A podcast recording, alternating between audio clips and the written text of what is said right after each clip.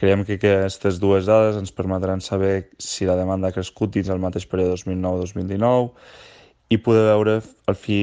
al cap quina ha sigut eh, la necessitat pel que fa per separat de demanar ajuts i de demanar beques dins aquest mateix període 2009-2019.